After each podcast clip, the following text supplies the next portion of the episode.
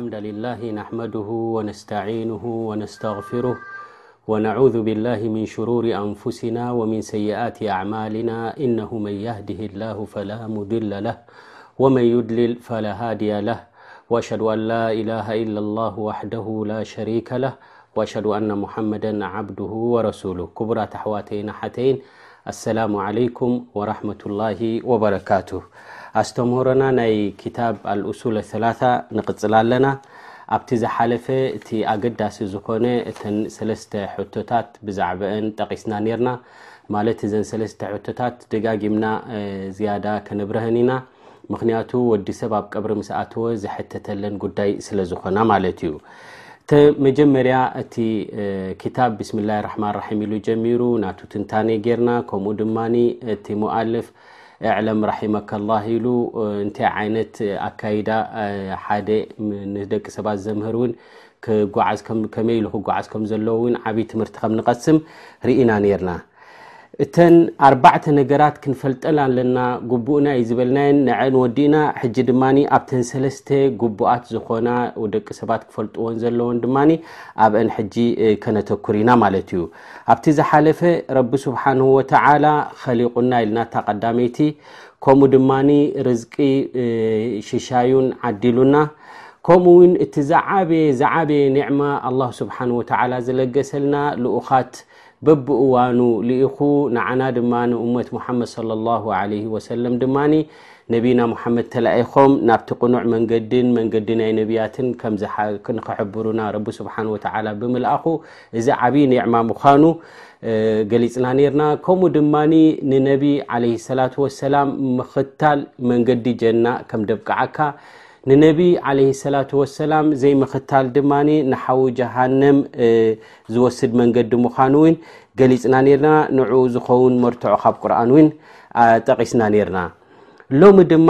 እታ ካልኣይትን ኣገዳሲት ዝኾነትን ከምኡ ድማ ኩሉ ሰብ ክፈልጣ ዘለዎ ማለት እዩ ኣልመስኣለቱ ታንያ ኣነ ላሃ ጀላ ወዓላ ላ የርዳ ኣን ዩሽረካ ማዓሁ ኣሓዱ ፊ ዕባደት ኣላህ ስብሓን ወተዓላ ኣብቲ ዕባዳ ናቱ ኣብቲ ኣምልኾት ናቱ ዝኾነ ይኹን ምስኡ ሓዊስካ ሽርክ ክትገብር ረቢ ስብሓን ወተዓላ ላ የርዳ ኣይረድን ኢልና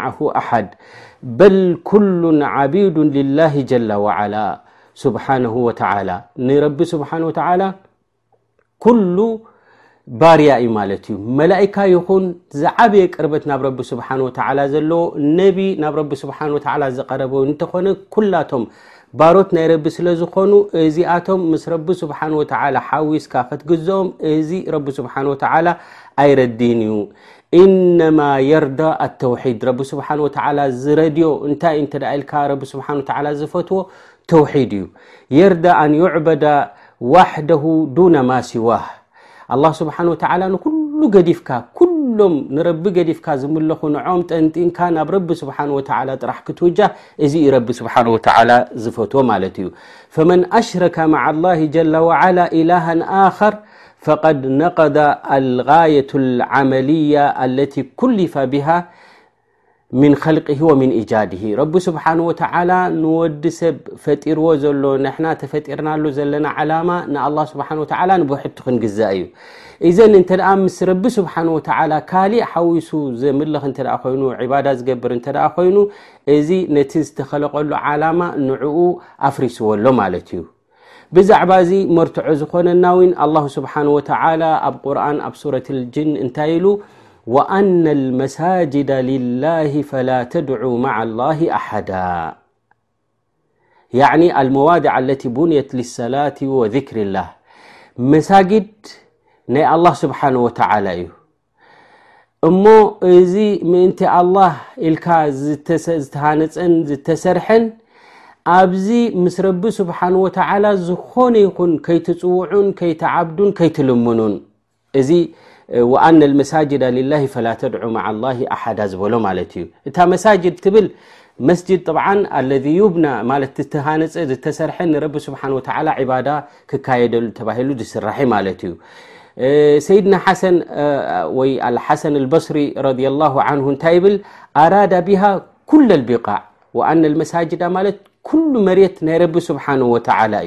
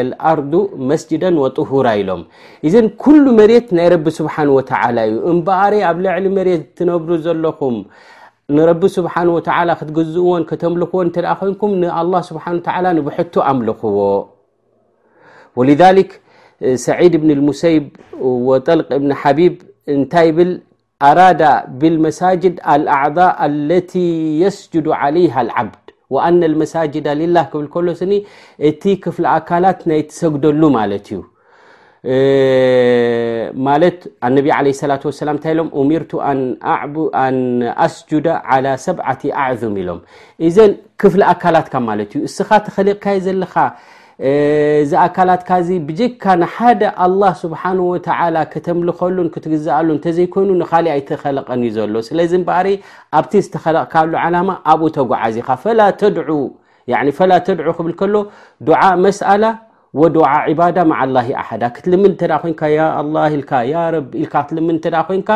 ከምኡ ድማ ክትግዛእ እንተ ኮይንካ ስጁድ ክትገብር ዲኻ ርኩዕ ክትገብር እንተ ኮይንካ እዚ ኩሉ እዚ ዒባዳ ይበሃል እዚ ኩሉ ንኣላ ስብሓን ወተዓላ ኢኻ ክትፍፅሞ ዘለካ ማለት እዩ ኣብ መሳጊድ ኣቲኻ እንታይ እዩ ዝፍፀም ማለት እዩ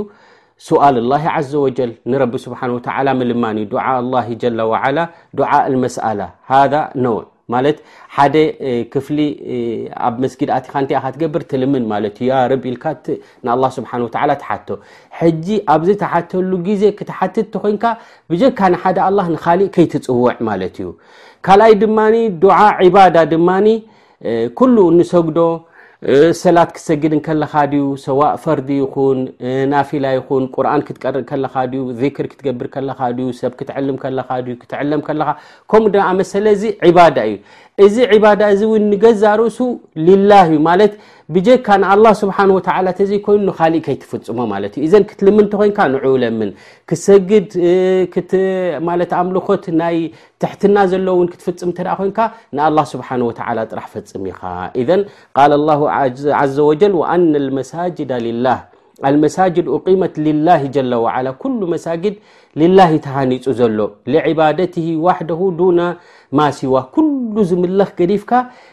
ብጀካ ሓደ ኻልቅ ኣሰማዋት ወልኣርድ ኣልማዕቡድ ንዑ ጥራሕ እዩ ዝግባእ ኢልካ ንዑ ከተምልኸሉ እዩ ተሃኒፁ ዘሎ ማለት እዩ ፈላ ተድዑ ዱዓ መስኣላ ኣሓደን غይረ ላ ክትልምን እንተኮይንካ ብጀካ ንኣላ ስብሓን ተላ ንካሊእ ከይትልምን ከምኡ ድማ ዕባዳ ክትፍፅም እንተኮንካ ድማ ንካሊእ ዕባዳ ክትገብር የብልካን ማለት እዩ ከምዚ ሰጋዳይ ክሰግድ እተ ኮይኑ ብጀካ ንረቢ ስብሓን ወተላ ንካሊእ ኣይሰግድን እዩ ከምኡ ድማ ክትልምን እንተ ኮይንካ ድማ ብጀካ ንኣላ ስብሓን ወተላ ንካሊእ ከይትልምን ማለት እዩ ሕጂ እቲ ዱዓ ድብል እንታይ ኣብ ክልተ ይምቀል ማለት እዩ ዱዓ ዒባዳ ኣሎ ዱዓ መስኣል ኣሎ ማለት እዩ ከምዚ ሕጂ ኣላሁማ ኣዕጢኒ ኣላማ ኣርዙቅኒ ኣላማ ኣቕፊር ልንተ ኢልካ እዚ ዱዓ መስኣላ እዩ ማለት እዩ ብቐጥታ ንረቢ ስብሓን ወተላ ትልምና ኣለኻ ማለት እዩ ዱዓ ዒባዳ ድማ እቲ ዒባዳ ትርኩዕ ስጁድ እውን ዱዓ እዩ ማለት እዩ እንታይ እዩ ዝገብር ዘሎ እዚ ሰጋዳይ ርኩዕ ክገብር ከሎ ስጁድ ክገብር ከሎ ያ ረብ ኣነ ትእዛዝ ናትካ ይፍጽም ኣለኹ እሞኒ ኣጅሪ ሃበኒ ኢኻ ምሕረትካ ሃበኒ ኢኻ ትብል ኣለኻ ማለት እዩ ሕጂ ብካሊእ ኣዘራርባ እውን ትልምን ኢኻ ዘለኻ ንረቢ ስብሓንሁ ወተዓላ ማለት እዩ እዚ ዱዓ ኩላ ግዜ ዱዓ ክበሃል ከሎ ንክልቲኡ ዝሓዘ እዩ ማለት እዩ ወልሊክ ረቡና ዘ ወጀል ኣብ ቁርን እንታይ ይብል ወቃል ረብኩም ድዑኒ ኣስተጅብ ለኩም እነ ለذነ የስተክብሩና ን ዕባደቲ ሰየድኩሉና ጀሃነማ ዳኪሪን እዘን ወቃላ ረብኩም እድዑኒ ለምኑኒ ኢኹም ኢሉ ኣስተጅብ ለኩም ፊ ኣወል ኣያ ኣብዚ ኣያ እዚኣ ን ኣስተባሂልና ኣላ እድዑኒ ኢሉ ዳሕራይ ድማ ኣብቲ መጨረሻ ድማ እነ ለذ የስተክብሩና ን ዕባደቲ እምበኣር ሕጂ ካብዚ እንታይ ክንርዳእ ንኽእል ማለት እዩ እቲ ዱዓ ንሱ ዒባዳ እዩ ማለት እዩ እቲ ዕባዳ ድማ ዱዓ እዩ ማለት እዩ ክልቲኡ ሕጂ እንታይ እዩ ልመና ንረቢ ስብሓን ወተላ ማለት እዩ ያ ረብ እስተጂብ ኢልካ እኻ ትልምኖ ዘለኻ ማለት እዩ እዘን ወኣነ ልመሳጅዳ ልላ ፈላ ተድዑ ማዓ ላ ኣሓዳ ክትልምን ክትፅውዕ ተኮንካ ንረቢ ፀውዕኻ ክደኒ እንተኮይንካ ትሕትና ከተርኢ ተኮንካ ብጀካ ንረቢ ስብሓን ላ ንካሊእ ከይትልምን ማለት እዩ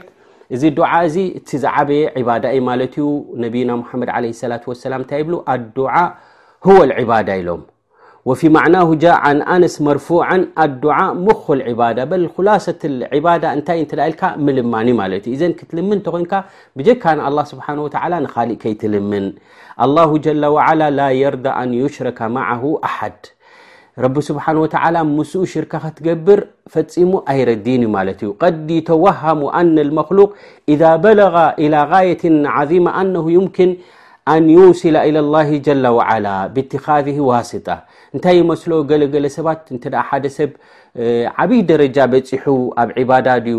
ወይ ድማ መላይካ ኮይኑ ድማ ናብ ረቢ ዝቐርብ እንተ ኮይኑ እዚኣቶም ሲ መንጎኛ ኮይኖም ናብ ረቢ ከብፅሑካ እዮም ዝብል እዕትቃድ ይገብር ማለት እዩ ወሃዛ ሚን ልከጣ እዚ ድማ እቲ ዝዓበየ ጌጋ ማለት እዩ ኣዕላ መቃማት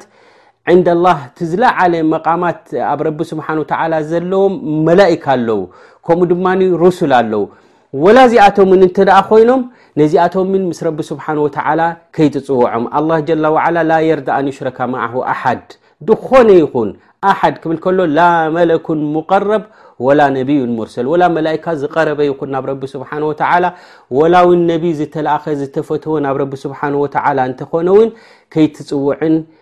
ከይትልምንን ምክንያቱ ረቢ ስብሓን ወተላ ላ የርዳ ረቢ ኣይረድን እዩ ኣይፈትውን እዩ ማለት እዩ ሃذ የእክዋን ኣልኣስል የጅብ ዓላ ኩል ሙስሊም ወሙስሊማ ኣን ያዕለምሁ ዕልመን የቂነ ላ ሸካ ፊ ወላ ሹብሃ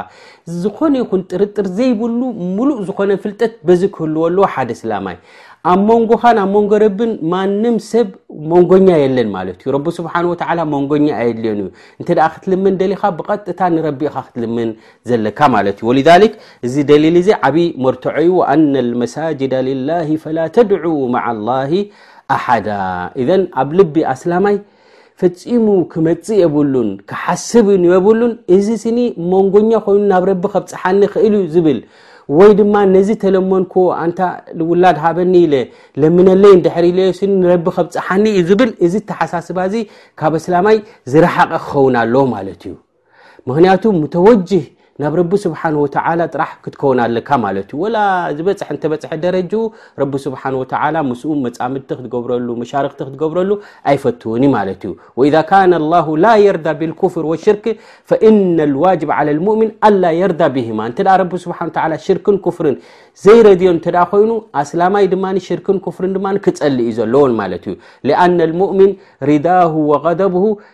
ተባዑን ሪዳ ላሂ ወቀደብሂ እቲ ናትካ ምፍታው እቲ ናትካ ምፅላእ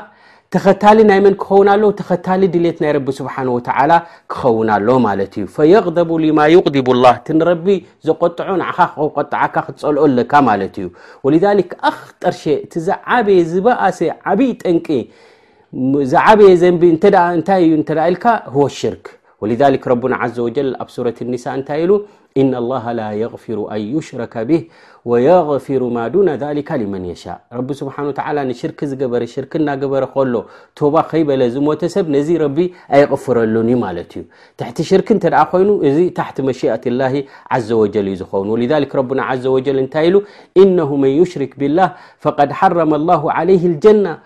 ወማእዋሁ ናር ወማ ልዛልሚና ምን ኣንሳር ሹፍ ሽርኪ ዝገብር ሰብ ስኒ ፈቐድ ሓረመ ላሁ ዓለይህ ልጀና ንዕኡ ጀና ሓራም እያ ትኸውን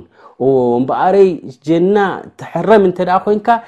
ንሽርኪ ብጣዕሚ ክትፈርሖን ክጥንቀቑን እንታይ ዩኸ ናብኡ ደብፅሕን ክትፈልጥ ኣለካ ማለት እዩ ወልذ ነቢ ለ ላ ሰላም ኣብ ሓዲ እንታይ ኢሎም መን ለቅየ ላሃ ላ ዩሽሪኩ ብሂ ሸይኣ ደኸለ ልጀና ኢሎም ምስ ረቢ ስብሓን ወተላ ዝተራኸበ ሰብ ካብ ኣዱንያ ክፍለይ እንከሎ ስኒ ምስ ረቢ ስብሓን ወተላ ክራኸብ እንከሎ ላኪን ለቅየሁ ላ ዩሽሪኩ ብላሂ ሸይኣ ሓንቲ ሽርኪ ዘይብሉ እንተ ኮይኑ ደኸለል ጀና ኣብዚ ኣዱንያ እዚ ከለኻ ብዘይ ሽርኪ ካብ ሽርኪ ርሕቕካ ክትፍለይ ከለኻ ካብ ኣዱንያ እዚ ዓብዪ ኒዕማ ዩ እዚ ዓብዪ ብስራት ንጀና ደብፅሓካን ዘብቅዓካን ዩ ማለት እዩ ኣብቲ ሓዲት እንታይ ኢሎም ኣነቢ ለ ሰላት ወሰላም ወሃ ፊ ርዋየት ልቡኻሪ ወመን ለቅየሁ ዩሽሪኩ ብሂ ሸይኣ ደኸለ ናር ምስ ረቢ ስብሓን ወተዓላ ዝተራኸበ ሰብ ማለት ኣጀሉ እንተ ኣኺላ ኣብ ሽርክ እንከሎ እዚ ሰብ እዚ ደኸለናር ኢሎም ኣነቢ ዓለ ሰላት ወሰላም እዘን ወላሁ ላ የንሃ ዓን ሸይ ኢላ ወህዋ ላ የርዳሁ ረቢ ንሓደ ነገር ክኽልክለካ እንከሎ ዘይረድዮ ስለ ዝኾነ ዘይፈትዎ ስለ ዝኾነ ማለት እዩ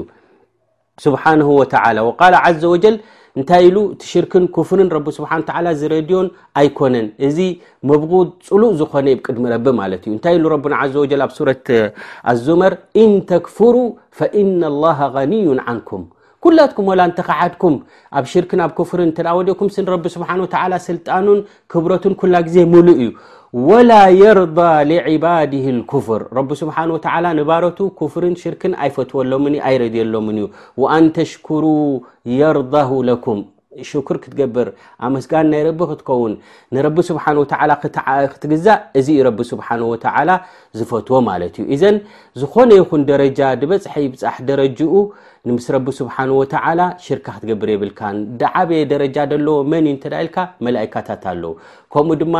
ሩሱል ኣለዉ ማለት እዮም እዚኣቶም ውን እንተኾኑ ምስ ረቢ ስብሓን ወተላ